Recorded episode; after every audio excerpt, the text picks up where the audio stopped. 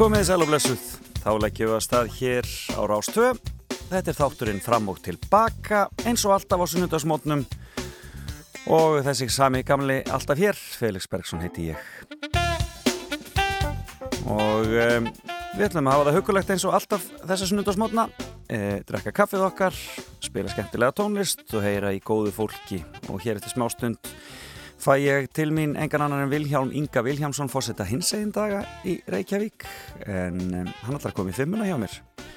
Og tala um fimm borgir og bæi sem hafa haft áhrif á lífans og það verður spennandi að heyra ferðina hans en hann er mentaður í nýsköpunar og stjórnunarfræðum með áherslu á skapandi greinar frá Chaos Pilot skólanum í Danmarku og um, en tók við sem e, e, fórseti eða formaður hins egin daga núna fyrir nokkur síðan og uh, fær nú aldeilis uh, fær nú aldeilis verkefni upp í hendurnar þetta árið, við ætlum að heyra líka aðeins betur af því hér og eftir. Og svo ætlum ég að ringja til Svíþjóðar. Þeir eru að halda upp á midsommar þeir kunna að skemta sér svíjarnir en um, koronaveiran er nú ennþá að bögga þá aðeins eitthvað.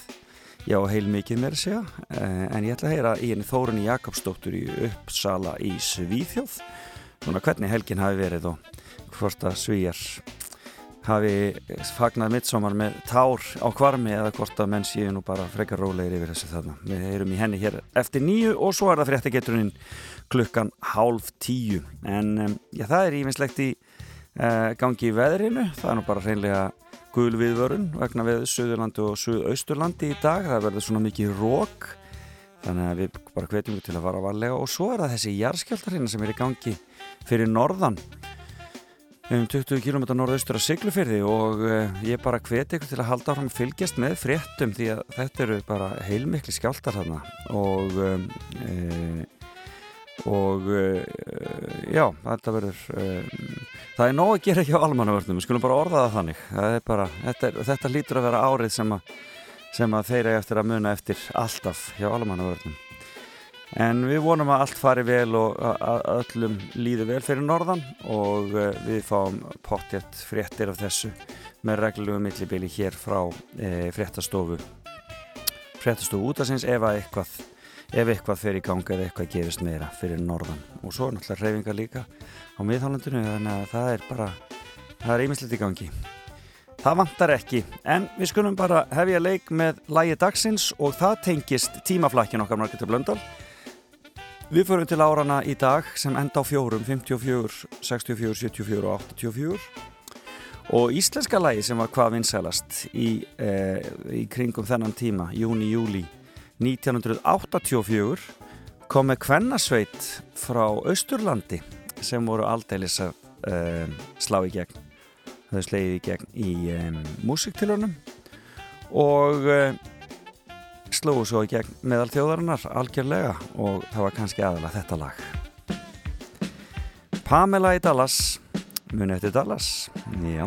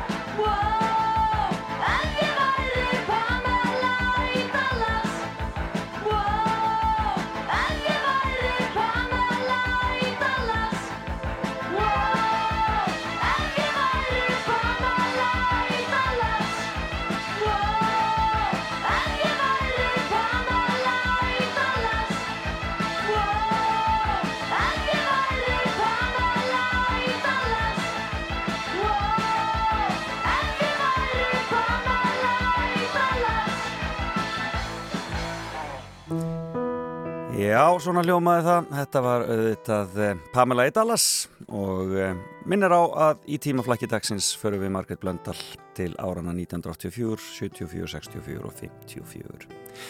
En heyrum eitt lag hér áður við villi förum að rappa. Þetta er eftir sjá eða lag fyrir fróða eftir Pálma Sigur Hjartarsson og það er K.K. sem syngur. Svo förum við villi að rappa.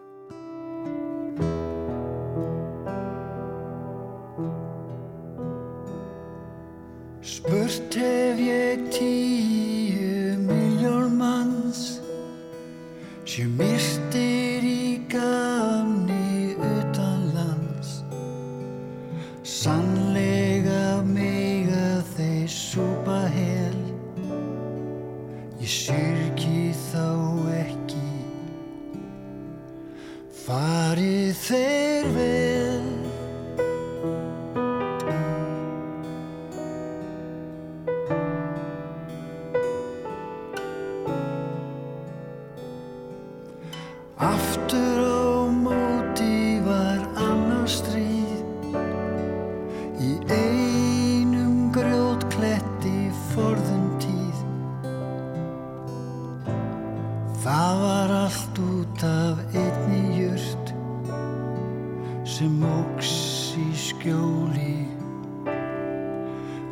og var slitinn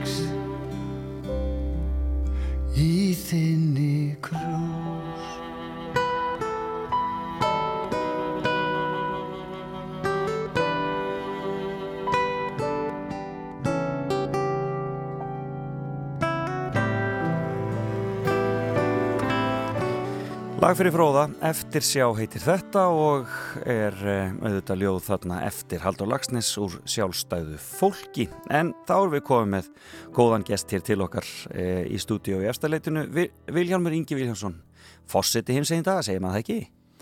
Jú, þetta var alltaf fósiti, Já. svo breytti formann, Já, minnst fósiti var flott. ég voða ána, herra fósiti, hjertanlega velkomin til okkar. Ég byrði alltaf fólk um að kynna mig líka á ennsku, Mr. President. Já, þetta er mjög flott. En þetta hefur þróast mikið gegnum tíðina þessi, þessi titill. E, e, Þetta var nú bara svona algjör grasrót til að byrja með og menn voru bara eitthvað. Kannski framkvæmtastjóri Jú, framkvæmstjóri og Já. formaður Já, og bara hitt og þetta. Já, en Já. svo er þetta núna orðið svona Já, ég þetta er svona orðið formfastar en það var kannski.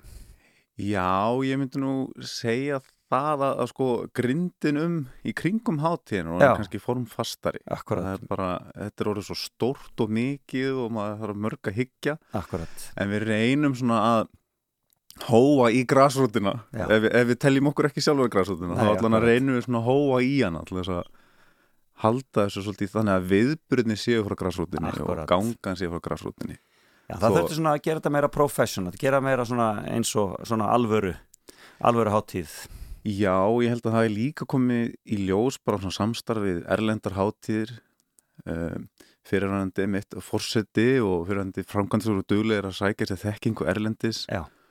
og þá sá menn, já það er hún græði mikið á því líka að vera með hlutina smá í fórstin skorðum og fá aðstof við þetta og, og svona dokumentera Já. svo í sletti smá. Einmitt. Þetta var nánast Já, ekki? Dokumentea Við fyrir ekki ennsku sletturnar en það má kannski dönsku.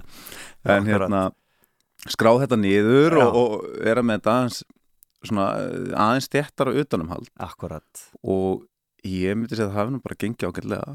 Já, það hafa minnst ekki orðin einn slis á hins egin dögum eða neitt sem að svona alvarlegt komið upp á þráttur að 100.000 mann sé að sapnast saman á litlum bletti Það hefur nú, nei, það hefur bara ekki gerst Nei. Það hefur einu sinni komið hýrið og hrundi hérna þagnir á Ingolþorgi fyrir Ja. mörgum mörgum sem að var raun uppsprettana því að menn fóru að taka öryggisáallanir inn og, og Já, það var eitthvað, og eitthvað, gera eitthvað, svona. eitthvað, eitthvað hérna, já, eitthvað þaka á einhverjum, einhverjum strætóskíli eða eitthvað slíkt sem Já, ég- fólk er búið að stilla sig upp á eitthvað svo viss, já. Já, þetta var svo löngón ég einu sinni kemur úr skápnum þannig að ég ætla nú ekki að fara, fara við fullum vikar um þetta en Nei. nei, hef, við hefum verið það heppin að við erum náttúrulega slísalögis Já. maður hefur náttúrulega verið það að við erum búin að vera með göngustjórnarhóp sem að hefur svona sérhæft sig í því bara hvernig að halda gleðugönguna og, og hvernig að halda fólk í örugu í gleðinni Já, það er nefnilega eitt að að halda ykkur stífu prógrami og hérna þannig að brauti þessa reglum með slettunar Já, Ég- alltaf, ég- já, en hérna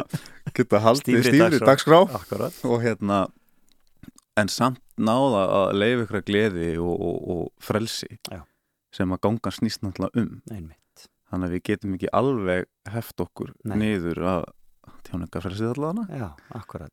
þannig að, já, þannig að það er búið að ganga bara rosa vel, við erum búin að vera heppinur með gott samstarfi borgina og ofinfæra aðila þannig að það er bara gengið nokkuð vel sko. Ég ætla að spyrja það eftir hvernig við ætlum að hafa hins egin daga þetta árið en uh, að fimmuniðinni, þú Já. ákvaðst að fara, þú, fyrst ekki tala við það sagði fimm viðburðir sem var eitthvað fimm skemmtilegt sem hefur gerst á hins egin dögum en þú fóst frá því yfir í fimm borgi og bæi. Já, þetta eru allt borgir og bæir hérna, sem ég hef búið í. Já, og ég hef nú skipulag komið að nála skipulagni hingus hins enda frá sko fjórum að fimm. Þannig að hérna ég veist að þetta hafa nú allt henginguna já, en jú, ég hef búið þann allstaðar já. Og, og maður náttúrulega mótast að því umhverfi sem maður elst upp við og það sem maður býr og slíkt, þannig að já, mér finnst þetta svona já, já, hvað láta þetta snúst meir um mig Já, sannarlega, það er flott, það er flott Vili. Byrjum á fyrsta, hvað er fyrst? Herru, það var vopnafjörður Já, þar ertu fættur uppælinn eða hvað? Herðu, ekki fættur uppalinn. Nei, Þeirrar lukku er ég nú ekki á það njótandi. En ég flytst þar Hvað, eftir fermingu? Já, já, ok. Þannig að ég tek níund og tíunda bekkin þar. Já, já, Flytt þaðan af, af nesinu. Og, og svo sko, flytst ég í burtu Og flytt svo aftur þangað á, á svona Ung fullorðins árum. Já, En ég bara hugsaði leið og ég hugsaði staðir og borgir og, og bæir. Að þá hérna, þetta er sem sagt bærin í borgarlistanum. Já, akkurat. Þá er ég að fjalla um Vopnafjörð því að sko fyrst uh, ég held að fyrsta er þetta svona þetta er svona, þú kemur hann í sveitina svolítið, þetta er bær vissulega, en þetta er sjáarþorp gríðarlega fallegt þarna. Gott fólk og ég kem þarna eins og svona má segja svona klassísk hinsegin mannska, var svolítið einelt í skóla og svona. Já, leið ekki vel þar. Svo flyttið þarna og þá einhvern veginn fann maður að byrja út upp á nýtt. Já, og það er náttúrulega bara svo fáir sko, það kemst ekkert upp með eitthvað svona vesen sko, það er bara verða allir að vera vinir.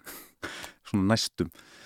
Um, þannig að við flytist þangað og þá fæ maður svona að byrja upp á nýtt og ég held að ég bara þakkar svo fyrir þessi tvö ár. Maður síðustu bara, árin í junglingadeildinni já, og, og bara þér, þér, þér- hefur nú leist þér, leist þér vel á þetta strax frá byrjun að, að, að flytja hræddur um norður eða austur. Mér finnst þetta alveg fáranlegt og, og bara í raunin algjör drugl sem sagt. Já, já, ég, tók, ég hef náttúrulega bara búin að búa á nesinu eða vestur í bæ allt mitt líf og þarna væri svona loksins búin að eignast eitthvað eitt, tvo vini og ræður og svona hérna. og þá fannst mér þetta náttúrulega alveg ríkalegt og bara, þú ert hvað, 8,5 tíma keir og reykja ég var náttúrulega bara ekki lengi að finna það út Já, og, og notaði það gegn fóreldur mínum. Alveg bara grimm já, og hérna en svo var þetta veginn að, af ævintýri. Pappi fór hérna að vinna í hérna, Tanga HF Já. sem það var sjárutisfyrirtæki á staðnum. Mm og hann fór á undan okkur. Hann flytur held ég um áramóti eitthvað slíkt. Aha. og við fórum í heimsóknum páskana og þá var pappi búin að kaupa brauðvél og bakaði brauð á hverju mótni. Það var rosa góða móttökur.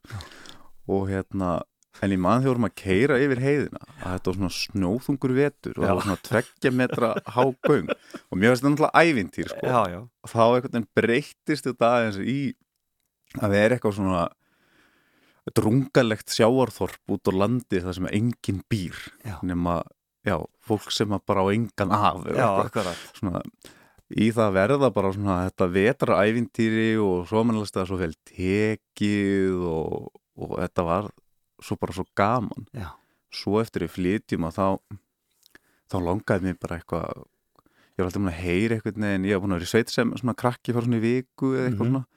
Þannig að ég fór að vinna á skjaldtingstöðum já sem eru náttúrulega landsþektur bær það er veðurstöðun á einmitt.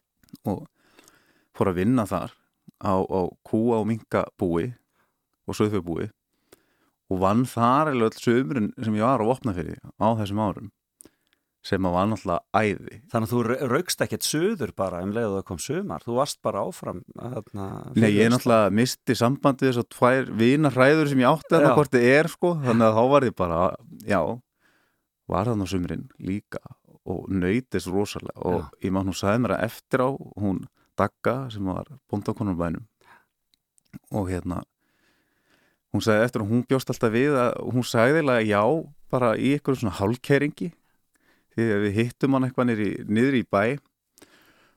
Og sagði já í ykkur hálkeringi og hún bjóst alltaf við því að ég kæmi bara einu sinni, fyndi lyktina inn í minkahúsi og kæmi svo bara ekkert aftur.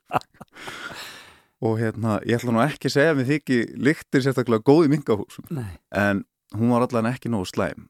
Því að sko fyrsta daginn að þá var hérna þetta var svona fullkomi sumadagur austurlenskur Já. sjálfsögðu, bara sól og bjart og ein kýrin var að bera. Já, og ég sett byrja því bara fyrsta klukktíma að taka múti kálfi. Og hérna og þau lístu sér eftir á fyrir mig því ég mætti afturinn í hús með sko mikjuna alveg sko frá tóm og bara allur og sko brosandi út af eyrum. Já. og það var kálfurinn Villa sem hann alltaf fættist þarna. Nema hvað. Nema hvað og það var hún endabranda sem að hérna egnaðist hann að kálf. Já, sem var mjög skapgóðs keppna já, og hérna þurfti aldrei að binda hann, hún bara stóði sinum bás. Já, leið já. alltaf bara vel í þessu og Já. fór síðust inn Já. og síðust út. Og þið hafið tengst þarna órjúanlegum böndum bara. Já, þetta var æði. Það er skemmtilegt. En, það, en mér finnst það svo aðeinsvært þetta með sko nú frekar talaði með mitt að, að, að ungt hinsegin fólk eigi erfiðar uppdráttar í litlum bæjarfjölugum en þú vilt meina að hafi, þetta hafi verið ákveðin björgum fyrir þig að komast, komast þarna austur? Já, á þessum tímapunkti. Alveg klárlega. Því þarna held ég að ég bara fengi ráðrum til þess að vera bara svolítið já, í friði sko. vera ekki fyrir áreiti. Já, einmitt og ég kom náttúrulega ekkert út fyrir en mörgum árum setna sko. Já. ég kem út 21 ára eftir ég fluttir í burtu sem, þannig að ég var ennþá svo djúpt inn í sem skáp að það var einhvern veginn ekkert og kannski var ég heldur líka bara svo mikið tilbaka sko. en eignast þetta góða vini og svona strax Já, já, maður eignast góða vini og, og fekk einhvern veginn að njóta sín, indislegi kennarar og fallur og góðu skóli og maður náttúrulega sér allt í ljóma svona eftir. Auðvitað, já, já, auðvitað en ég myndi alltaf segja það mér hef alltaf verið tekið alveg ofbúslega vel mér er ekki greiðlega vænt um vopnafrið Frábært. og ég hef nú ekki heimsótt nógu mikið sko. Já, en hérna, ég, mín afsökun alltaf því ég spurður er svo að sko ég bara þór ekki að heimsækja vopnum fyrir því ég er ekki vissum að ég kæmist aftur tilbaka sko nei, og ég er ekki vissum að ég fengi eigimann minn til þess að flytja til vopnum fyrir Nei, akkurat, en, en farið ángað ég fer ekki nóg mikið.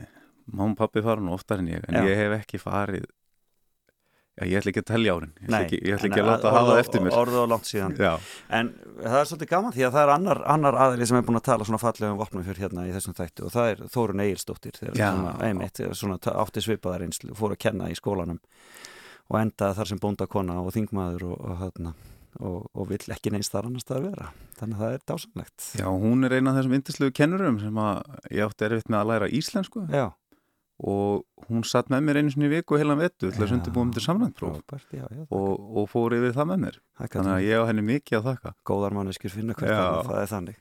Heyrðu, hvað er næsti staður? Herðu, það er Boulder í Colorado. Bolder, já, Já.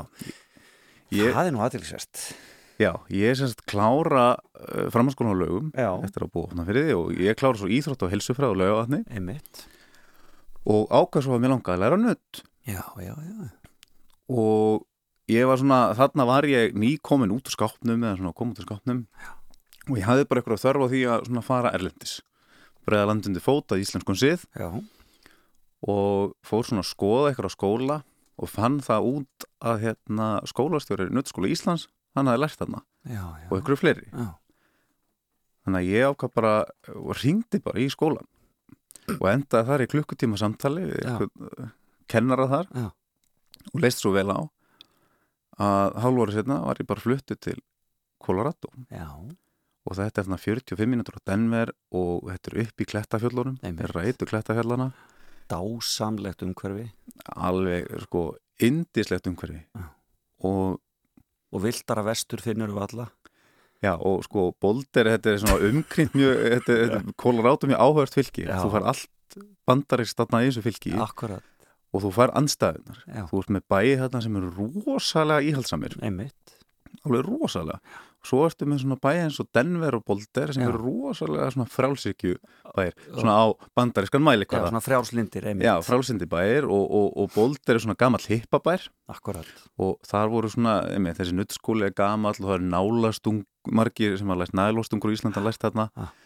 og þarna er þetta sko já, og náttúrulega bara að læra nutti var náttúrulega bara indislegt það að láta nutta sig einu svona dag þó þessi nemi, ég Já. elska já, það og þarna bara náttúrufegurinn ég er mikill náttúruperri ég er bara, veist, svona að horfa á fallega náttúru og vera þarna upp í klettafjöllunum Já. við vorum 45 mínútur, ég og vinkonum minn ég var svo heppin eignast, besta vinkonum hún var brettakennari, já, já, já. þannig að við fórum náttúrulega hverjum degi bara upp í fjöll með snjóbretti Já. og svo rensið niður Og það er, það er svolítið það sem er við Colorado. Þú þarft að eiga áhugamál í útivist til þess að geta verið þar, eða ekki, svolítið? Jú, þú ert ekki, það er ekki Það þú er ert ekkit annað í gangi Nei, Það er það- bara útivist, svolítið. Já, og það er og þarna er svo boldir sko, ef þú ert að læra langklaup, Já. læra æfa Já, langklaup og þá er þetta staðurinn. Það Já. eru hérna, ég held að þessi hérna, landslið Kenya er þarna. Já, þeir fara bara með, út þetta er svo hátt uppi líka. Einmitt þannig að þeir nýta það. Já. og þú ert með sko, þetta er mjög flatt Já. fyrir neðan klættufjöllin sko, þú sérðir nánast nánast frá Boulder yfir á Denver. Þetta er bara út af flatlendi. Þannig að þú ert mikið á hjólaleiðum Já. sko göngustígar út um allt. Já, þetta er briljant sko. og þetta er fyrsta skipti sem ég sá svona snák sem var ekki glerbúri, mér var ekkert alveg sama. Já, svo, svo heyrði maður alveg hristast sko þetta, en hvað varstu lengi þarna? ég var í ár. Já. ég er svona, ég er með ADHD og ég get voða lítið stoppað við á svona stöðum. Þetta er hérna, Þú er ekki bara að hugsa þér að vera þarna áfram? Herðu, ég er reynd að skoða þetta. Já, og svo skoðaði ég það og sá bara hvað voru til mörg mismunandi landvistarleif já, já. og hver lögfræði kostnæri við reyna að komast þetta fyrir en ég var komið vinnu og, og svoleiðis en það gekk sem betur fyrir held ég bara ekki upp, sko. Tókstu þátt ekki í præt þarna þá í fyrsta sinn? Herðu, nei þarna var sko var ekkert í præði Nei, ok. Það voru hinsinn hinsinn skemmtikvöld einu sinni í mánuði. Já, já. Og þau voru mjög skemmtilega því þau voru bara tilkynnt með sólæsinn fyrirvara. Þetta var bara fyrstu þeirri hverju mánuði. Já. og staðurinn sem það var halda og fekk ekki að vita af þessu Það var bara svoleiðis. Það var bara auglýst. Svo allt innu bara leitt staðarhaldur út um dynnar hjá sér og það var bara röð Já. 200 hinsinn í sko búninga þeim Já, það var alltaf búninga þeim og bara fylltu staðinn. Og staðarhaldar alveg elskuðu þetta. Það var náttúrulega brjálega að gera hjá þeim. Einmitt. Og mikið myndir og, og bara rosa stuð. Þannig að ég fór alltaf í þetta og þetta var rosalega gaman. Skemmtilegt. Já. Næs Heyrðu, hvað er þriðistæður? Hvað er næst? Herði, það er Orhús Já, það er Chaos Pilot. Já, ég stekk svolítið á milli staða sem ég lært á. Einmitt. En ég fyrir Orhús og það er þá er ég búin að vera út úr skápnum í eitthvað átta ár og búin að vera trúlóðar í tvö ár. Já, en ég var hérna fer til Orhús og búin að vera að vinna hjá HP Granda sem þá hétt að selja ferskan fisk. Já, en þarna var ég byrjar að starfa hjá hinstendum já, já, já. og ég hef búin að vera innan samtakana líka og ég fann það bara bæði að félagsstarf hendaði mér rosa vel ég hef vel alltaf verið í félagsstarfi Mhm. og það svona viðburða hald og, og hanna þá upplifun og svona að þetta bara það skemmtilegast í mér gerði Já. og, og líka bara svona að vera í, með stjórnunarhlutverk og vera að stýra verkefnum og láta hlutina ganga og svona Aha. þannig að mér fannst þetta nám alveg frábært og þetta er rosa verkefnabundið þú verður alltaf að gera eitthvað. Það er aldrei gerfi verkefni þú bara fer og gerir. Og eins og ég vann eitthvað tíman podcast og ég geti myndbönd og Ok. svona hitt og þetta. Og þarna fer ég með til Orhús og þar er maður bara læri, þetta er ótrúlega skemmtilegur hópur sem er þarna. Og það er, einmitt, það er svona búninga þema svolítið í eignum mitt líf þegar maður skoðar, sko, ég var alltaf í miklu búningum Já, og extravagant á öskudaginn. Og þarna voru líka svona mitt flust, fyrsta hlutverk og mitt fyrsta verkefni það var, sko, það var 25 ára ammæli skólans Já. og þetta náttúrulega halda alveg sko risa þúsund manna partí. Og við áttum að sjá bekkurinn um það, heldum þetta vorum 38 manna hópur sem að Ókei. sá með framkvæmdina á þessu.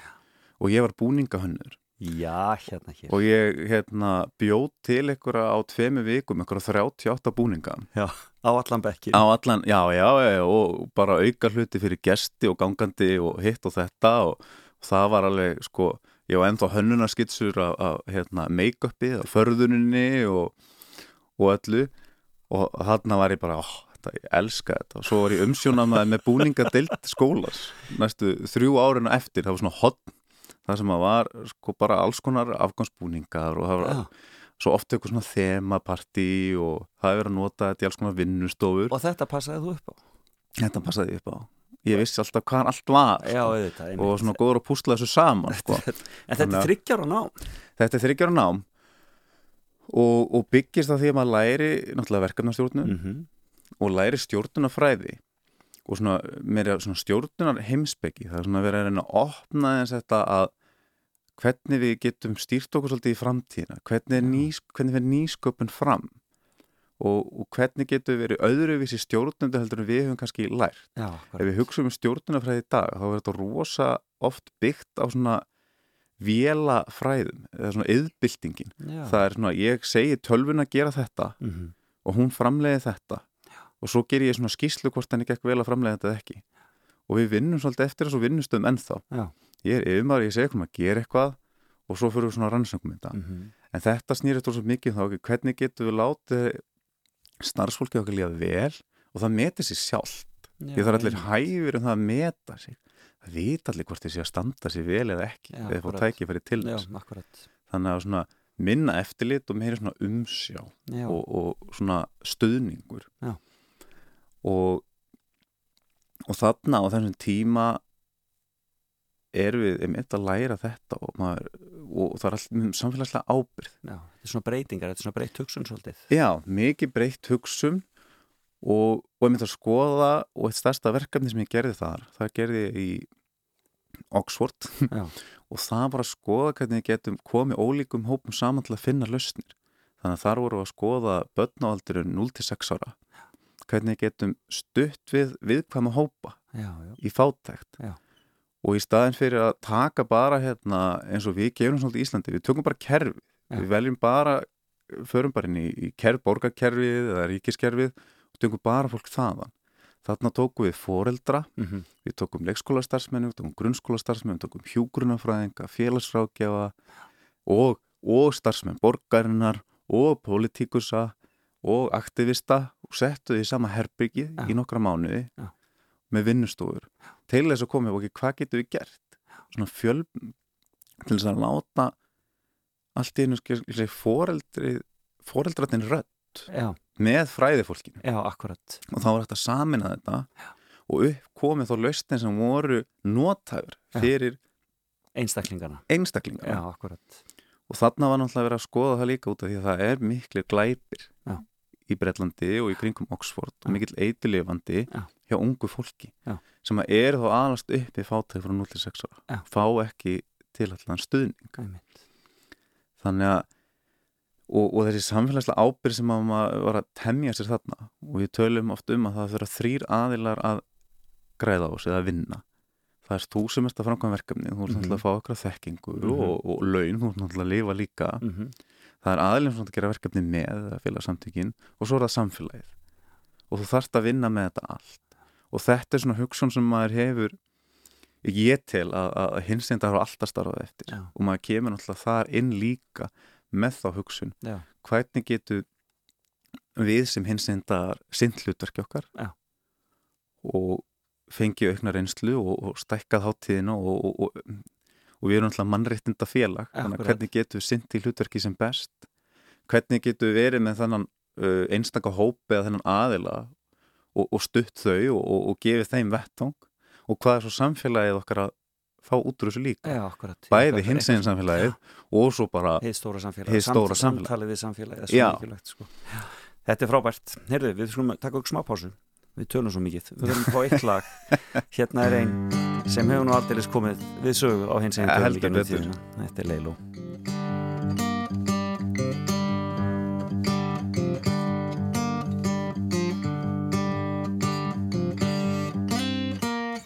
Get your high heels off my chest, cause they're hurting me.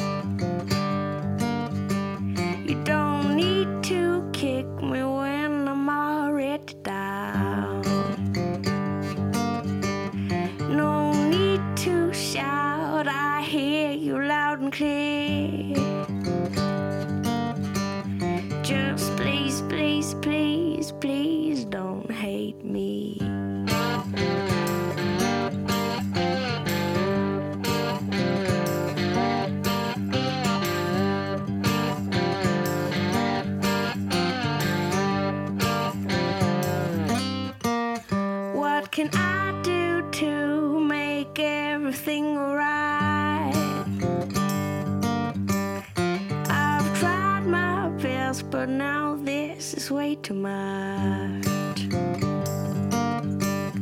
I can beg, I can bleed, I can even make you weep. But just please, please, please, please don't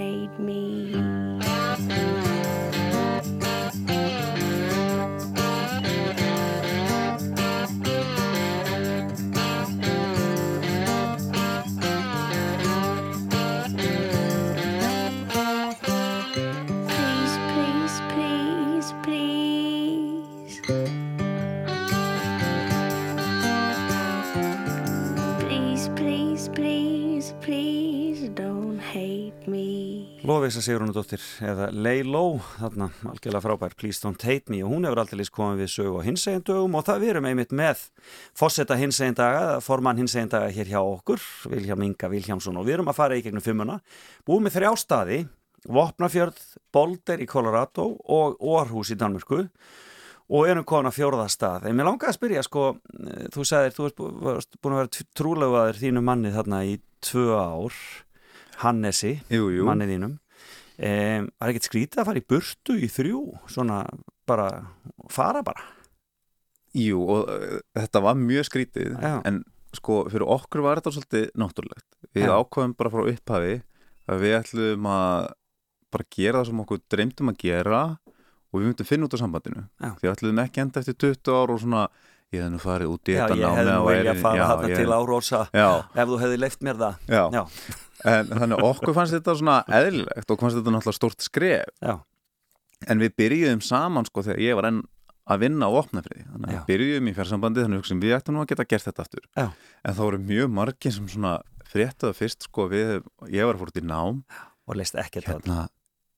er þú Hannes ætti saman? Já, Fengur svona nokkur, nokkra svona spurningar. Já, en við bara uh, vorum duglegir að hittast erlendis, nýttum tækifæri við hittum sko við fórum til Kanari eiga saman einu sinni Já. og við hittumst í London einu sinni, Tælandi einu sinni. Já, þannig að við nýttum vetuna þannig þegar ég fekk vetrafí í skólanum Já. þá hittustu ofta okkur svona stöðum sem, sem bara, var ekki gaman að eða bara viku þarna. Og, og það var svo dýrmætt því þá voru við bara tveir einir í ykkur tíma þá náttúrulega þegar maður er Íslendingur býr erlendis og það kannast allir við það að þeir koma heim Já. að maður Það þarf að hitta alla hina sko. Já, það þarf maður að hitta marga og mann er langa til þess Auðvitað, það er alveg já, bara já. prógram sko. en svo er náttúrulega heimasumrin þannig að Frábært það hjálpaði Heyrðan fjórið staður, hvað er næst? Það er Barcelona Það er Barcelona og ég bjóð þar á meðan á minn stóð Þetta Ok. er svona, maður getur valið hvað maður vinnur verkefni sín já, í skólanum Já, og við fórum allur bekkurinn til Barcelona að vinna verkefni já, því ég var í kaospilot já.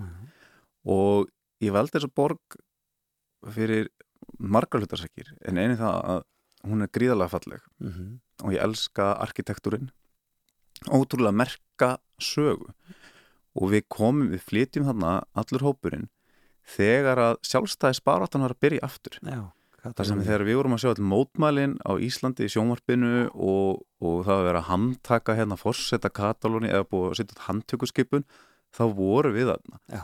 Og ég og vinkonum mjög duglega við fórum á mótmælin til þess að tala við fólk Já. bara svona og, og kynnast þessu Já. og ef maður lesi til um söguna að þetta er þarna sem að hérna e, sko fasmismin ræðst sterkast á Barcelona því þetta Já. var síðasta víi sjálfstæðisbaratunar á sínum tíma Já. þannig að eftir setna stríðhaldi, já að þá er faraði mjög hart af Barcelona þannig að þetta er svo merk saga sem við fengum að kynnast Já. en svo setti líka Barcelona inn út af því að þarna þennan vetur sem ég var í Barcelona þá, gerðist mjög margt ég flytti í Barcelona svo hérna einum og hálfum mánuði setna fæ ég skila bara frá mínum heitt elska Já. að hérna hann er búin að finna fyrir okkur hús í miðbæ og ég, já, ok, við höfum oft að tala um að dreyma að vera í litlu Já, húsi akkurat, niður í miðbæ. Og hann var þá að koma heim til, heimsótt til mín og ætlaði að vera þar í tvo mánuði Já, hann kemur út í Barcelona viku setna fljúum við báðir heim til að skoða þetta hús tveim viku setna vorum við búin að kaupa húsið Já. og þetta var bara í oktober 20. nei, já, 17. desember fengum við afhend Já. eða hann, ég kom ekki heim til nei. 20.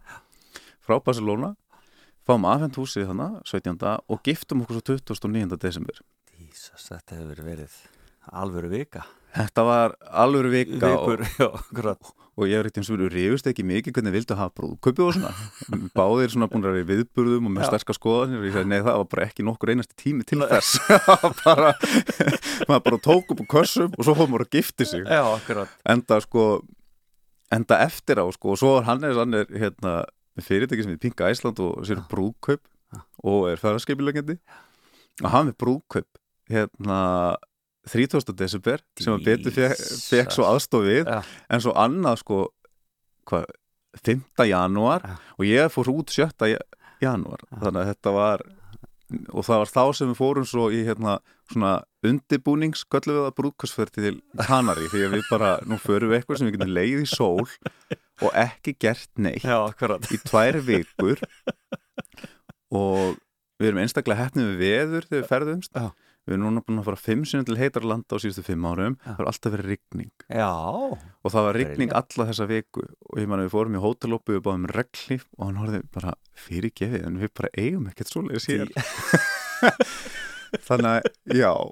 Þannig að þetta var svona þess að þykjum svo væntum Barcelona því að það gerðist rosa margt. Já, og ég var stekkjaður af bekknum mínum út í Barcelona já, sem var hálfgerð ferð um borgina því þau ákvaðu það að, að vera með svona fimm stöðvar já.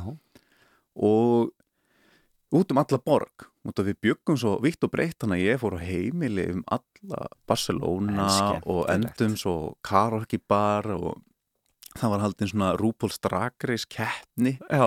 og sko ég var dressar í drag og þau vissu það að ég hef mjög gaman að ég fara í drag. Nema hvað, Já, en það sem ég vissi ekki var það að það var allir aðrir kallmenn í bekknum líka komnir í drag og voru að keppa við mig. En þannig skemmtilegt að þetta var alveg uh, sko töfrum líka sko. Þetta hefur verið dásanlegt og Barcelona er bara töfrum líka. Það bara verða allir ástofni sem þangað koma held ég. Já, Ef ekki á borginni þá á einhverjum já. sem stendur við hliðina.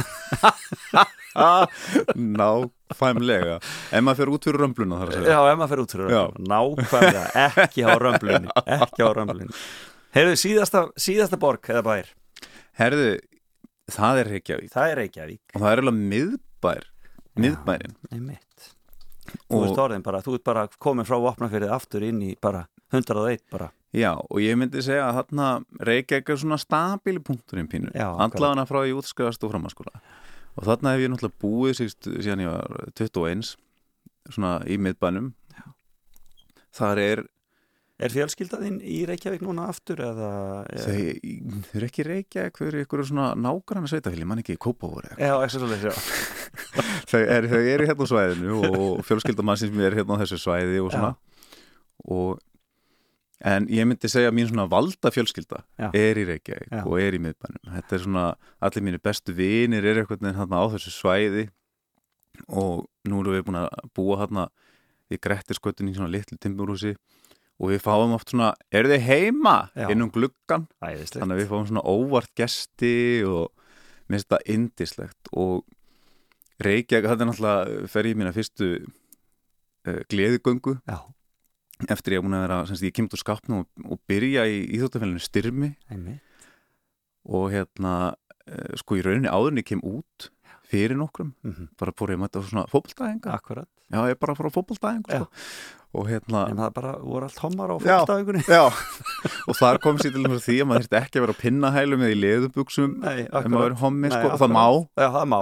En hérna, maður þyrfti þess ekki. Algjörlega ég Einmitt. eitthvað svona voða döl bankastarsmann Já. og maður hitti náttúrulega hárgreislum hann að sjálfsögðu en, en maður bara sá bara já, herrið, ok það er ekkert að fara að breytast mikið þó maður kom út úr skápnum, það er bara frelsi sem því fylgir. Já. það hitti nú þig í fyrsta skipti. Einmitt. Og ég hef náttúrulega þakkaði fyrir það en ég man að, þú sendir mér til en skilabúð eftir fyrstu fótboltæðinguna og bauðst mér velkomin í styrmi. Já, já, já, hérna hér. Já, þetta gerir þú mér, þetta er rosalega vænt um þetta. Svona er maður nú. Já, En um, talandum Reykjavík og 101 Þá er það hins eginn dagarnir já, Og nú er spurning, hvernig verður þetta þarna í ágúst? Herðu stórt er spurt. Já, En við erum búin að vera að býða mjög mikið með það að, að gefa eitthvað út já, því við vildum ekki vera að hlaupa á okkur. En núna erum við bara að tilkynna það formlega já, að við ætlum að vera með gleði göngur já, gleði gangan er náttúrulega alltaf uh, má skipta í mörg, mörg, mörg atriði. Mhm, við auglýsum bara hérna að bjóðum fólk velkomið í gönguna það þarf að skrá sig og svo eru bara, ég man ekki held að vera 36 eða 46 hópar í fyrra. Ég hugsanlega fara með, já. En nú ætlum við bara bjóða hópunum í staðin fyrir að ganga sömu gönguna, ganga klukkan tvö á lögudeginum mhm, en á mismunandi stöðum. Já, þannig að hóparnir bara ákveða samtingi 78 og þau ákveða bara hvar þau ganga. Fjölskylduhópurinn ákveða hvar þau ganga. Það ætlar einhver vinahópur upp á Esju. Já, og við erum svolítið hérna, hinsinn og helgafelli voru svona mm, kom upp í hugmyndavinnunni. Þannig að okkur langar bara að sjá höfuborgarsvæðið og borgina og landið eða lífi klukkan tvö. Springa út í allskins gleði göngum bara út um allt. Já. en skemmtilegt. Þannig að nú er bara, setjum við þetta í hendur fólks. Við ætlum ekki að loka hennu götum eða neitt svoleiðis. Og það verður enginn þá svona stór hátíð í lokin með, hérna, með uh, skemmtun og svoleiðis? Nei, Nei, við erum nú að skoða að vera hugsanlega með einhverjar einhverjar útsendingar. Já, ég getum ekki sagt meira í byli, hugsanlega tengist það eitthvað þessar stofnum sem ég sitt inn í núna en, en gefum ekkert út um það strax. Ok, en uh, við ætlum að finna eitthvað annað í staðin allavega Já. út af því að hlutverk okkar er að lifta hins einn menningu þannig að við viljum náttúrulega gera það. En við viljum, við þurfum og er ljúft og skilt að fylgja ráðleggingum náttúrulega almannavarna og þrýekisins Já. Og við teljum okkur geta gert það með þessum hætti. Þetta hljóma mjög skemmtilega. Já, Þannig að fólk verður að byrtast svona hér og þar. Þannig Já. að fólk getur eiginlega að fara út á götu og það bara mun, það mun einhver, einhver gleði gangan lappa fram hjá, Já, hvar sem er bara. Og við ætlum bara að hvetja, við vitum að margir hafa þá hefða hittast til dæmis í, í árbít Já, á undan göngunni að fara svo bara að ganga. Já. og dressa sig upp bara eins og gera vanalega og skella sér og vera sínileg því að þetta snýst alltaf mjög mikið um sínilegan Einmitt og svo restina dagskráni verður á sínum stað Já. þetta er í rauninni eina breytingin þannig við ætlum að vera áfram með fræðslu viðburði áfram með menningar og skemmti viðburði Og hvenær verður þetta, verður dagskráin gefin út svona? Hvenær er það yfirleitt sem að dagskráin kemur? Herðu, hún er nú oft að detta í loftum þessa myndir Já. við senkum því aðeins núna til þess að sjá hvað staðan væri?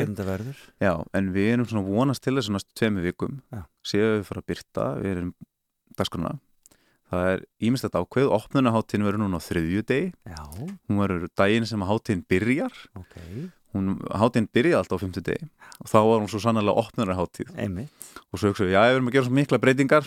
Breytum þessu bara líka, Já. þannig að við ætlum að byrja opnunarháttin á þriðju deginum Já, og sem við höfum verið að setja háttíðina á undanfærin ár. Þannig að við ætlum að prófa það og, og erum mjög spennt. Þetta verður mjög þétt dagskrá við erum tilbúin að færa hluti á internetið Já. svona ef að, ef að kemur viðfræða setni bylgjan. Og erum náttúrulega að gera viðbrás áallun og þókur um hendunar og svona. Þetta er bara hrikalega spennandi vili. Ég hlakka mikið til að heyra af þessu öllu saman. Og hvert fólk til að fylgjast með það bara hins eindaga.is Já. það er ekki best að fylgjast með þar reynilega Jú, og samfélagsmiðlum. Já, setið inn, setið inn fullt af fréttum og svo leiðis Já, Kæra þakki fyrir spjallið og gaman að heyra fimmuna þína. Takk fyrir komuna. Takk fyrir mig Ég barma mér þá minni ég mig á það sem hún mamma sagði mér. Lítu upp í ljós þá stendur þú með skuggan í baki Lítu upp í ljós sem tekur burtu virkrið og hatrið lítu upp í ljós. Jafnvel inn í gráský er sólskinnið falið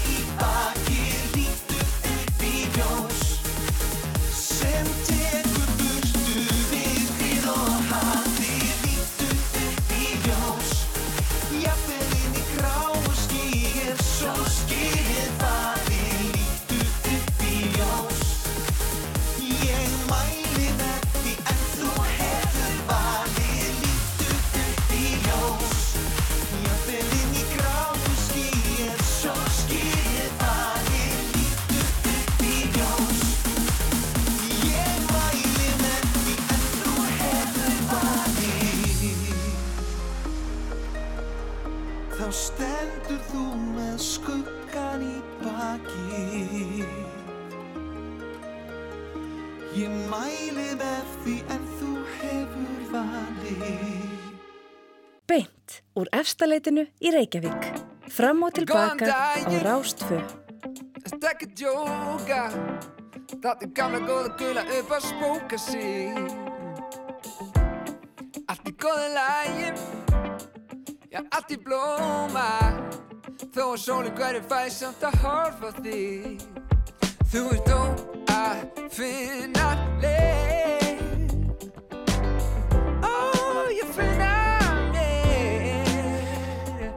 Já, við þurfum að draga niður í þessum góða dreng. Er Jóni Jónssoni það er komið að fréttum hér á Rás 2 og svo höldum við áfram í þættinum fram og tilbaka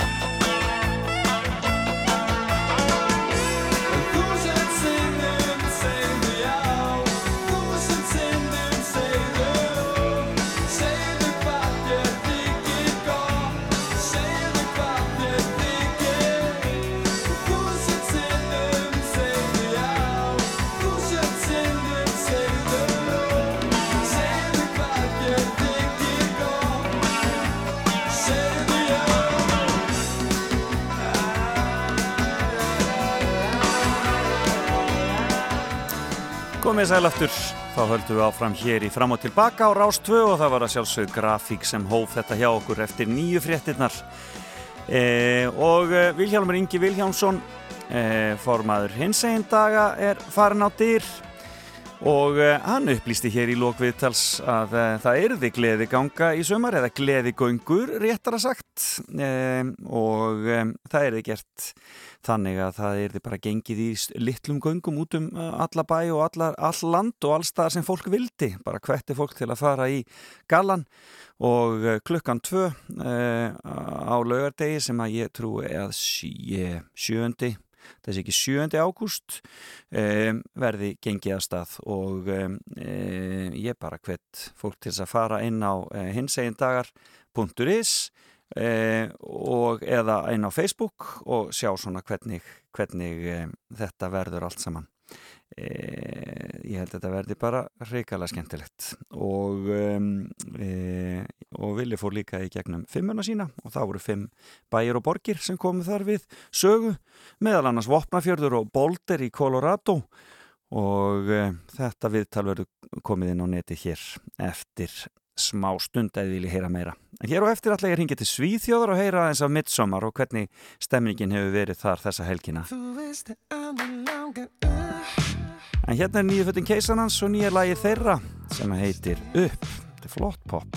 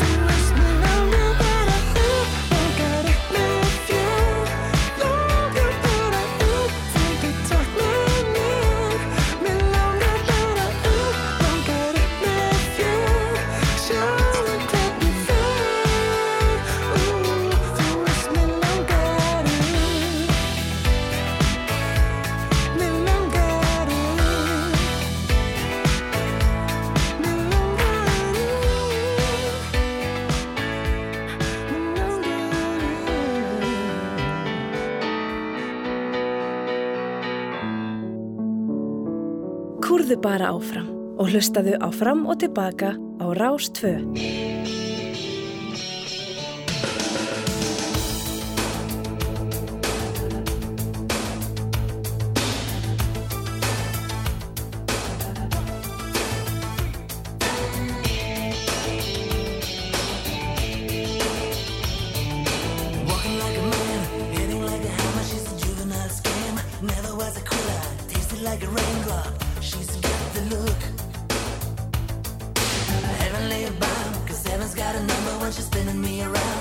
kissing is a color, a loving is a wild dog. She's got the look.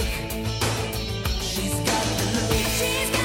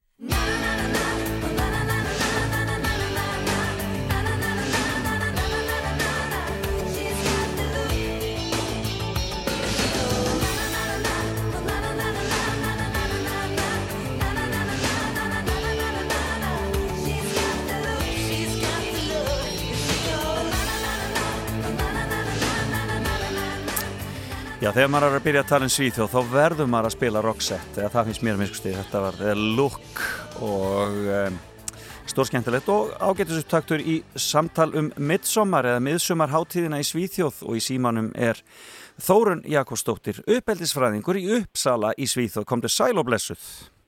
Hvað er sæl og blessaður? Já, já, hvernig er veðrið hjá okkur fyrst? Það er maður spyr alltaf til veðurs fyrst um veðrið. Ég baði nú manninn minn um að kíkja á hitamælinn áður en ég setti til nú til að geta svara rétt. Það er bara bongo. Það er bongo bara. Eh, já, 25 stegi hitti og sól. Ó, en dásamlegt. Eru þið tveimur tíma, tíma undan okkur þarna í Uppsala? Já, Já. Akkurat, þannig að það er bara komið undir hátegi og bara príðilegt veður. já, það er bara alveg dásamlegt hérna. Ég sýtt að horfa út í garðina hjá mér. Krakkar að leika í svona, svona vassbrautara og svona. Æðislegt. Hvernig er, hvernig er eh, þarna, helgin búin að vera? Er þetta búið að vera bara eins og venjulegt midsommar? Bara allir í svaka stuði og í einni hrúu? Nei, sko, nú er þetta reynda fyrsta mitt, ég er búin að búa í síðan eftir í þrjú ára, en þetta er fyrsta mittsumari sem ég er á landinu. Nú, í já, landinu. einmitt, já. Þannig að hérna, minn samanbyrður er nú ekki, ekki, ekki gríðarlegur Nei. en e, ég spurði mér fróðara fólk og það er vist hérna, það var allir svona ofinbæri dagskrá aflýst í ár Já, sem að sveitafélagin og, og eitthvað svona félag og svona halda uh, og fólk var kannski minna að fara út á land og svona heldur en vanalega. Já, en svona að öðru leiti og hittist jú í minni hópum. Já, en svona að öðru leiti hérna, held ég þetta hafi nú verið svipað sko. Uh, nema það var gott viður í fyrst skipti bara nokkuð tíma. Já, er, er ekki alltaf, það er ekki alltaf gott viður á midsommar. Eh, Því ég vilja meina að það sé aldrei gott mittum það er svolítið eins og svona 17. júni heima Akkurat, já. Að hérna, ég nú kannski ekki alveg, ég held að það hafi kannski ekki alveg rétt fyrir sér, en hérna, en til dæmis var, ég að skoða það, að heita sumarið 2018, það var eini rigningadagurinn, það sumarið var mittsumadagurinn, mittsumaraftan. Akkurat, akkurat. Já, já, já að það er hérna- er gott fyrir gróðurinn. Jú, jú, Það- ekki tíma verður nú að regna. það verður að regna líka. En, en, en, en hvað gera menn? Er, það, það, er, það er þessi blómasveigar og, og, og, og, og voða mikið út í Já. náttúrinni, það ekki? Jú, sko, fólk náttúrulega hittist voru mikið svona með ykkur hjá sumabústöðum og svona í, í hópum Mm og hérna, já, blómakransar í hárið er voða, voða mikið tekið, skemmtilegt svona. Svo er þessi hérna, þessi midsommar stöng sem er reist Já, einmitt. og hana er dansað í kringum með einhverjum, já, áhörðum flóskahoppum og, og svona skemmtilegum vísum einhverjum. Já, ég sko, svo náttúrulega sungið og, og snafsar, það ekki? Er ekki alltaf einhverja vísur og svo er snafs í kjölfarið, er það ekki úða vinsett líka? Það er kallað nubben, hérna Já. drikkjuvísunar. Já, Eh, og svo er einmitt tekið hérna helan gór og, og fleira en þetta er náttúrulega, þetta er náttúrulega fyrst og fremst svona uh, bara uh, lítil afsökun fyrir því að geta drukkið aðeins meiri snafs, sem sagt, eða hvað? Já, já, já, já, já, Mm. alveg engin spurning sko. Við hérna vorum einmitt í, í bóði og buðum nú upp á bara brennivín. Já, það ekki? Já, það er alvegilegt. En, hva, taka, en taka börnin þá þátt í þessu? Ég meina þá ekki, ég er ekki að tala um áfengi, heldur að syngja, syngja drikkjuvísunar með þínum fullorðnu? Já, örglega. Ég er hérna, já, já, já, ég er reiknað með því. Það var alltaf hjá okkur, eh, svo sem, já, ég leðum þeim nú ekki að fá skotin, en hérna, Nei, en það var svolítið að börnum og þau hafa verið með í þessu. já, já, svona þegar þau nefnt að vera úti með fullum fólkinu. Já, akkurat, annars bara, annars bara sjá hans Já. sjálf. Já, svolítið, sko. Það voru nú alveg svolítið stór. Við vorum, já. En var hérna, við segjum, sko, að þetta er náttúrulega sólstöðaháttíð og svo er þetta líka svolítið uppskriháttíð. Já, einmitt. Þannig að hérna, það er mikið, sko, það borða, eh, mikilvægt að því, sko, nýjustekna kartablur, nýjustekna graslaugur og nýjarðaber er líka alveg rosalega mikilvægt. já það er stórt málið hérna- mitt, já. Já, og, og já, síld sem er heldur endur að sé ekki, ekki nýjutekin, en hérna, Nei, en uh, mikilvæg líka, henga síður. en þeir, þeir borða síld samt svona ferska, eða sem sagt ekki endilega, hérna, ekki endilega svona, svona hérna, mikið marinerað eins og við erum með hana. Já, gera það nú. Það, það sem ég var núna, það var nú allt svona krukkusíld, sko. Já, allt krukkusíld, já, Ég, einmitt. ég er ekki mjög hrifin af síld, en við smakkuðum hann eina sem heitir Mattias síld, minni mig. Já, Og svo geður ég að bögla þetta orð þeirna. En mér fannst hún freka góð. Já. Ég finnst síld vanlega ekki góð. Hún er Nei. svona, já, mikilvæg. Já. Veistu hvaða, hvaða, hvað er í henni sem að, hérna, hva, hvernig hún er marineruð? Nei, ég veit það nú ekki. það var alveg reynskilega. En hún var hérna, hún var, e, já, hún var bara bræð betri. Já, ég skil þig. Einhver, einhver sérstök kryddli og sigur og kanill og eitthvað. Já, erum við kanili, alveg rétt, já, Já. þeir eru svoleiðis. Heyrðu, Já, en, það er mikið mér. en hvernig, hvernig uh, svona líður svíjum? Er, ekki allir orðnir daldið þreyttir eftir þennan erfiða vetur? Jú, sko, það er nú hérna, fáir vissu að voru beigð og voru kemur að hugga er svolítið hérna, það sem að vissist andrúslótti hafa verið upp á síðkastið, sko. Þetta Já. var rosalega erfitt framan af en hérna, en svo einhvern veginn uh, bara kemur sólinn og sumarið og þá léttist nú geðið. Ég tek nú alveg eftir því að það hefur gæst á Íslandi líka, ég sé nú bara í gegnum samfélagsmiðla, en hérna, jú, jú, þetta, þetta hefur þetta verið erfitt, sko. Já. Og Já, hvað skal segja? Jú, jú, en fólk er mjög duglegt, auðvitað þess kannski hvernig margir halda, en þá er fólk mjög duglegt að passa sig, hérna. það er alveg verið að, að uh, passa upp á tveggja metrareglum í öllum röðum og það er að handsprýtt út um allt, veist, og fólk passa sig í almenningssamgöngum og allt svona, sko. Já, Þannig að, hérna, en nú er umræðan svolítið verið að svíjum hafi ekki tekist eins vel að hefta útbreiðsluna eins og öðrum, öðrum, öðrum norðurlandaþjóðum. Já, já, minna, þeim tókst það auðvitað ekki en, en hérna kannski munurinn er að það var veginn eh, alltaf planið að Já. þetta átti átti aldrei að hefta útbreysluna en, en um, mér, að, ég skilst nú að hérna hafi kannski líka gert ráð fyrir að þetta væri aðeins meiri meira smitandi Já. þannig að það átti, nú voru þið búin að ætluðu að vera löngu búin að náðu pjarðunami Já, í byrjun júni en það tókst nú ekki alveg nei, akkurat. En svo klúðruðu þið nú svolítið líka kannski með e, að hefði ekki e, svona aðgengi að elli heimilunum, það Já. er kannski eitt sem að hefði mátt mikið betur fara. Og það er kannski þar sem að svona þetta liggur þessar háu tölur sem maður heyrir. Já, nú náttúrulega er ég engin sérfræðingur frekar en hver annar en með við fréttina sem maður lesur svona þá hérna þá verður það nú helst kannski hafa verið það sem að gerðist. Já. sem er náttúrulega alveg svakalegt. Já. en menn eru samt jákvæðir og, og ganga bara þarna, bjartir og, þarna, í, og jákvæðir til mjótsi sumarið Já, ég myndi nú alveg segja það menn svona eh, tekur alveg eftir mun já, bara á fólksfjölda og svona hlutum sem er verið að gera og svona en hérna, en manni finnst nú flesti bara halda sínu striki Já, akkurat Þannig síðan sko, en svo er marga skrifstofur sem er ennþá bara lokar og er ekkert undirlega eitthvað í kortunum að fara að opna þær eftir og fólk vinnur mikið heima og svona. Já, akkurat Einmitt, en hvernig líður ykkur fjölskyldunni þarna í Svíþjóð? Ó, okkur líður svo vel. Já, Það er sérstaklega svona sumrin, ég get alveg sagt það.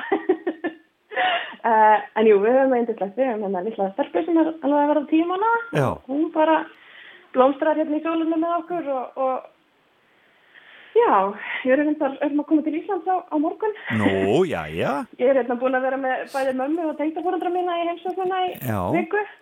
Og ætlum að fara samstæðast heim heim, eða við maðgur, maðurum mér var nú eftir. Já, Þannig að að- maður er líka heim frá, sko, ég maður við ekki það alveg. akkurat Það verður gott að fyrir En- það að koma hérna í regninguna og, og, og gulu viðvörun Já, einmitt, aðeins, smá svona raunveruleika Að- tíki.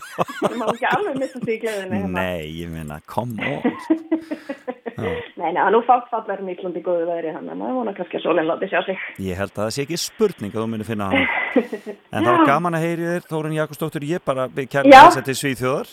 Og segi, segi, segi góða ferð já, takk fyrir það. Já. Bara, það er það sem allra best. Já, sömuleiðis og hérna, já, uh, njótið, njótið þess sem eftir er af midsommar hátíðinni.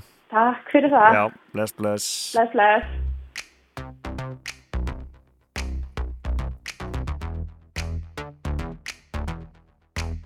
I can't go on. I can't go on. Gotta keep it together. Now don't get me wrong. Don't get me wrong. Cause baby, you make me better. Hey! With just one look, you make me shiver. I just wanna take you home. Wanna go. Yeah, I wanna go. Now, girl, you make me a believer. Wanna take off all my clothes. Wanna go. You make me wanna go. I just can't go on when you look this freaking beautiful. Oh, hands down to the floor, my love, and I'm doing whatever you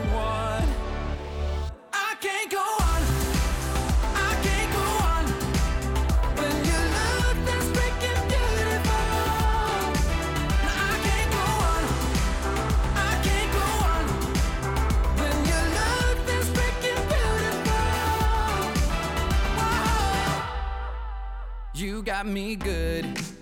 You got me good. And I'm not going nowhere. Right in your hood. Now that's understood. But I'ma take you to somewhere. I just can't go on no more when you look this freaking beautiful. Oh, hands down to the floor,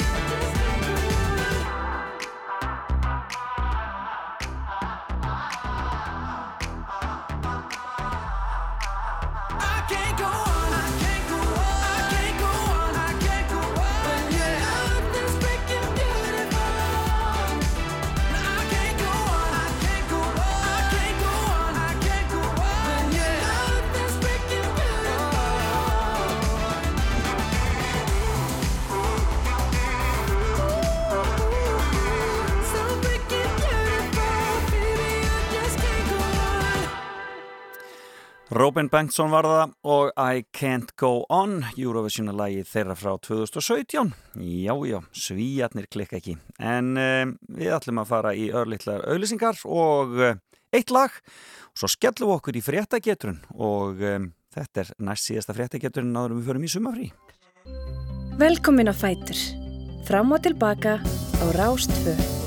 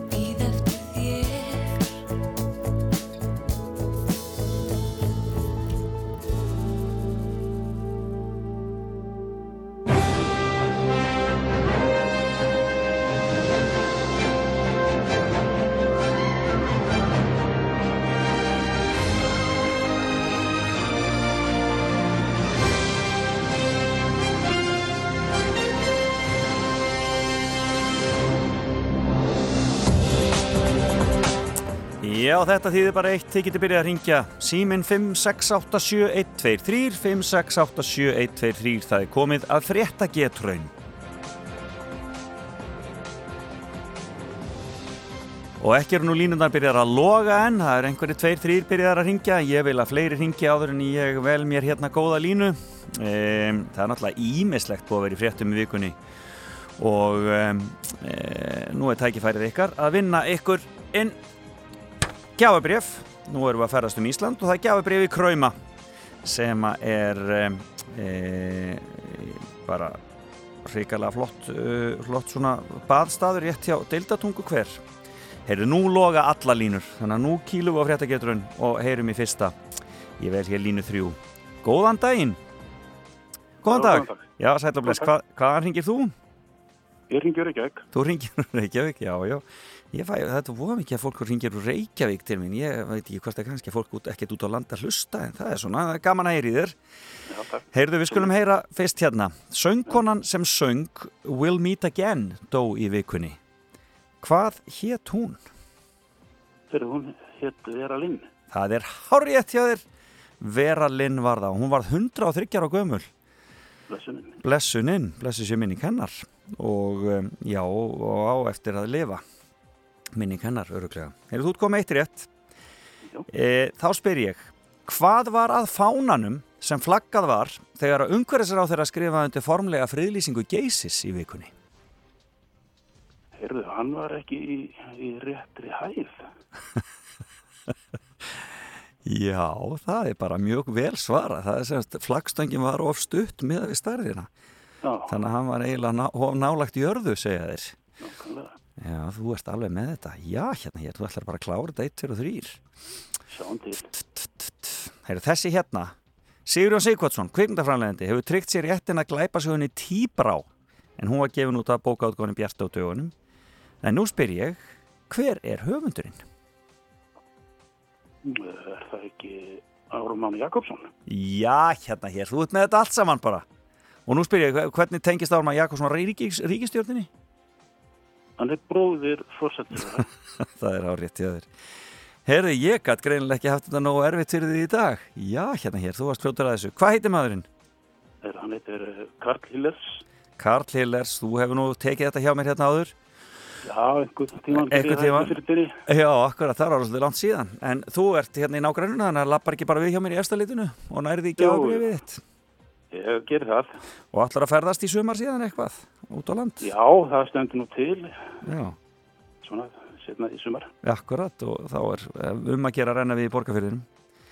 Það er mjög gaman að koma þarna deildatung hver, ég hef aldrei komið þarna þegar ég fór í Krauma, það er mjög flott. maður er bara alltaf kert hann í gegn sko, Já, akkurat. aldrei gefið sitt í metra að stoppa en maður lætur sjálfsagt verða því núna Já, það er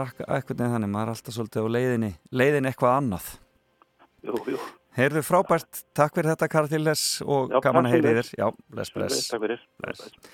Já, hann fór það, hann var aldeilis fljótur að þessu, ég held ég væri að ná hann hann með þessu með flagstöngina en hann bara rúlaði þessu upp eins og ekkert væri. Þannig að eh, Karl Hillers tók þetta í dag á fyrstu þremur spurningum. Já, það verður síðasta fréttageturinn í byli í næstu viku og þá lofa ég að hafa þetta aðeins erfiðara og um, kannski verði ég með einhver aukavelun en um, svo ætlum við að fara í smá sumafrí með fréttageturinn.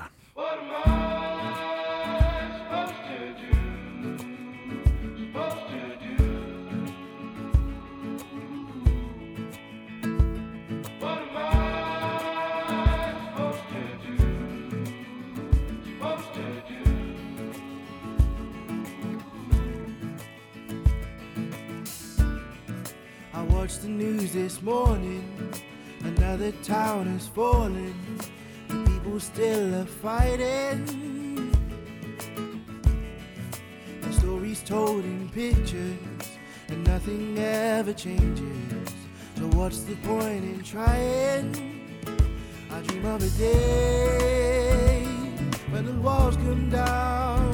I hope for a time when the lost are found. Thought we had it all. But the answers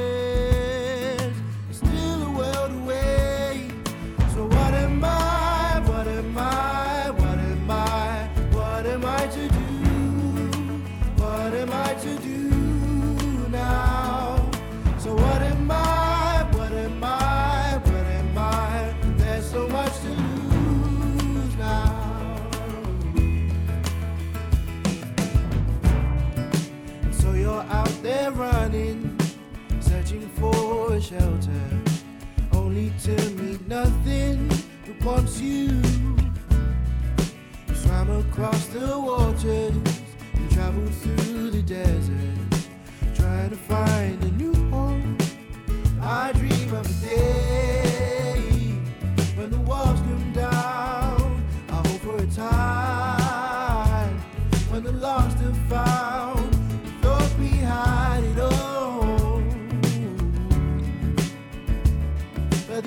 the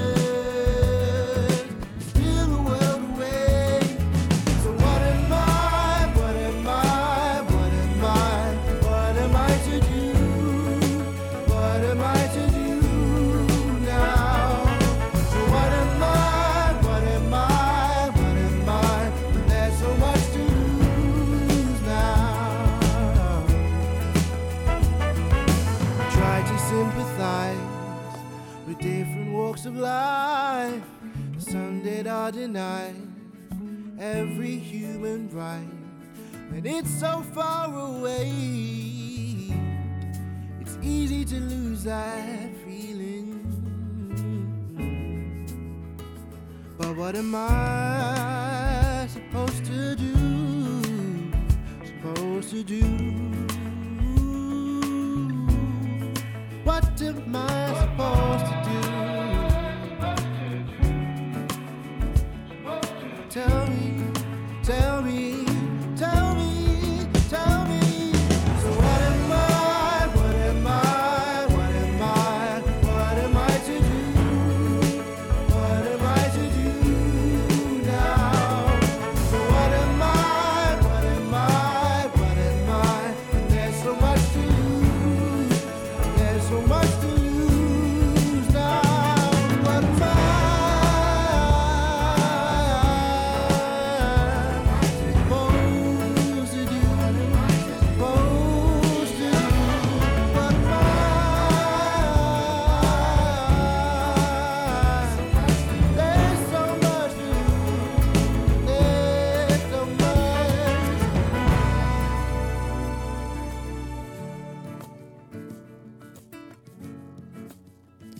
Já, þetta var Jordan McCampa og uh, lag sem að heitir What Am I? Og um, já, príðilega gert þarna.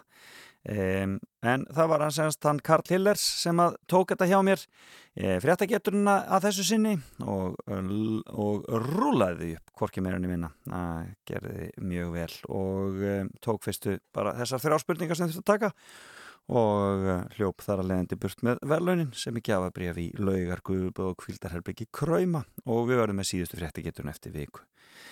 Áðurum fjórum í smá sumafrí með þetta. Fáum smá tilkynningar og höldum svo bara áfram með skemmtilega tónlist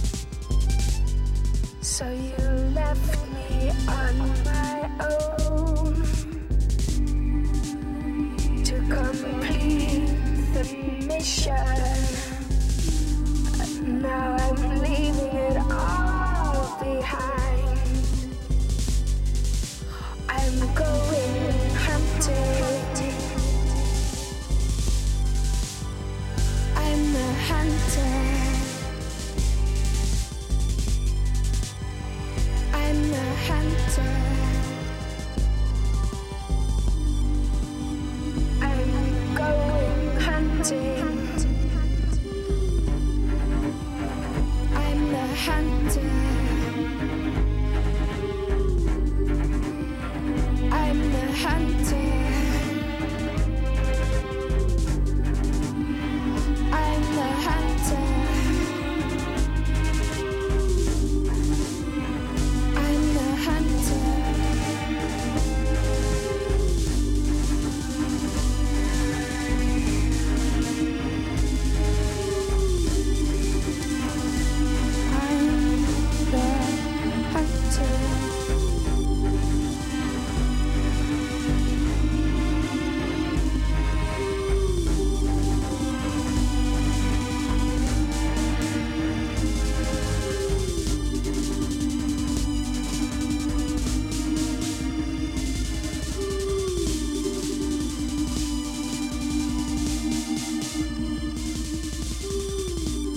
Já, þetta er eitt allra flottasta bjarkarlægið Hunter heitir það og um, já, þetta er svona bolero.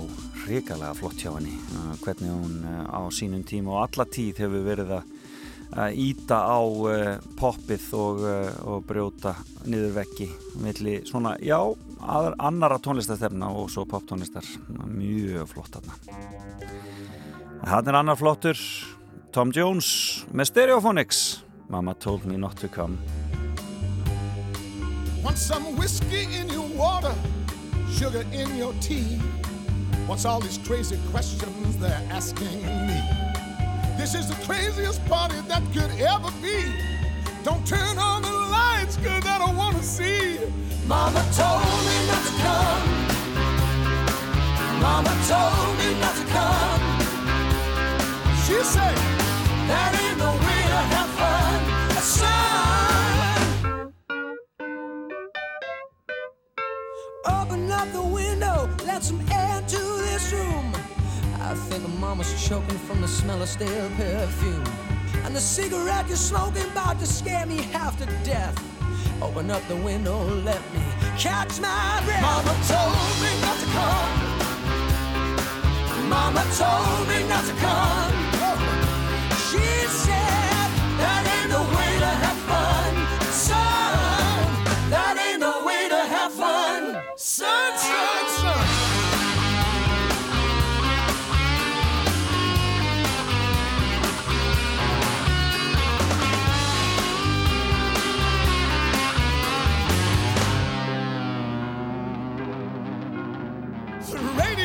radio and someone's knocking at the door. I'm looking at my girlfriend, she just passed out on the floor. I've seen so many things I ain't never seen before. Don't know what it is, but I don't wanna see no more. Mama told me not to come. Mama told me not to come. Mama told me. She, she said that ain't the way to have fun.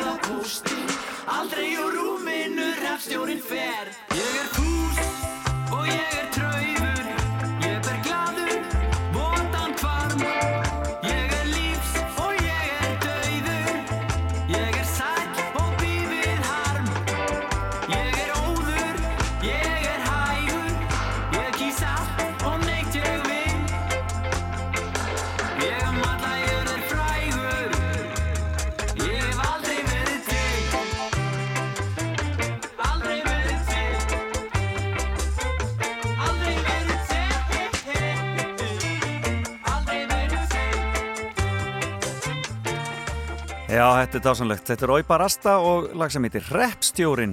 Þeir eru alveg, þetta er alveg stórkosleitt band, Óipa Rasta. Já, það er margt framöndan hjá okkur á Rás 2 í dag.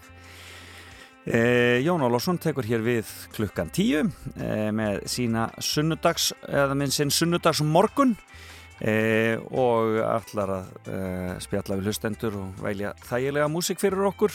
Síðan verður e, hér Gíja Holmgjastóttir með sunnudagssögurnar eftir e, 12 fréttinnar eins og alltaf og svo tímaflakkið með okkur Bergson og Blöndal klukkan þrjú og uh, að þessu sinni verður farið til uh, 1954, 64, 74 og 84 og það er að sjálfsögðu þessi dagur, eða þessi dagar núna sem eru undir. Eh, síðan eh, er það er, er það þátturinn gemt en ekki glemt eftir síðdeisverðnar, ekkert Rockland núna, það komið smá sumafrí og e, það er Hulda Gerstóttir sem spjalla við Valdimar Guðmundsson og Ásker Aðarsteinsson stopnundur hljónstæna Valdimar sem fyrstu plötu sveitarnar Undraland, korki meirinni minna. Þótti hrikala flott frumraun eins og allir vita. Og uh, síðan bara rekur þetta sig sveitarhljómur hér uh, milli frétta uh, og svo eldúsverkin og sportarásin í kvöld. Þannig að þetta verður bara dásanlegt og svo er það varðeldurinn klukkan tíu kvöld. Klassísk íslensk poptónlist frá einsum tímum. Þið getur verið með okkur á Rástvö í allan dag, þetta verður þess virði. Það er búin dásanlegt að vera með ykkur þennan morgun eins og alltaf ágætu vinir. Um, ég þakka viðmælendum mínum Þórun Jakobsdóttur í Svíþjóð og Vilhjálmi Inga Vilhjálmsinni formanni hinsegin daga fyrir fimmunans um, og um, ég hveti ykkur bara til þess að halda til móts í sumarið, skell ykkur góða tónleika ásker trösti á leiðinni á ferðinu um landið fljótlega í júli og fullt af tónlistamönnum að uh, gera að halda tónleika þessa dagana. Helgi Björns og, um, og uh, þau gós og ég veit ekki hvað og hvað fullt af skemmtilegu í gangi. Eh, en fylgist líka með veðrinu það er gul viðvörun á söður og söðusturlönd í dag. Ekki vera mikið á ferðinu með fellihísin og hjólísin kannski á því svæði akkurat svona meðan versta rókið gengur yfir. En takk fyrir í dag og við heyrumst aftur eftir viku, bless bless. Er í manna heimum plás fyrir engla sem að ringsóla á eilífðar brauð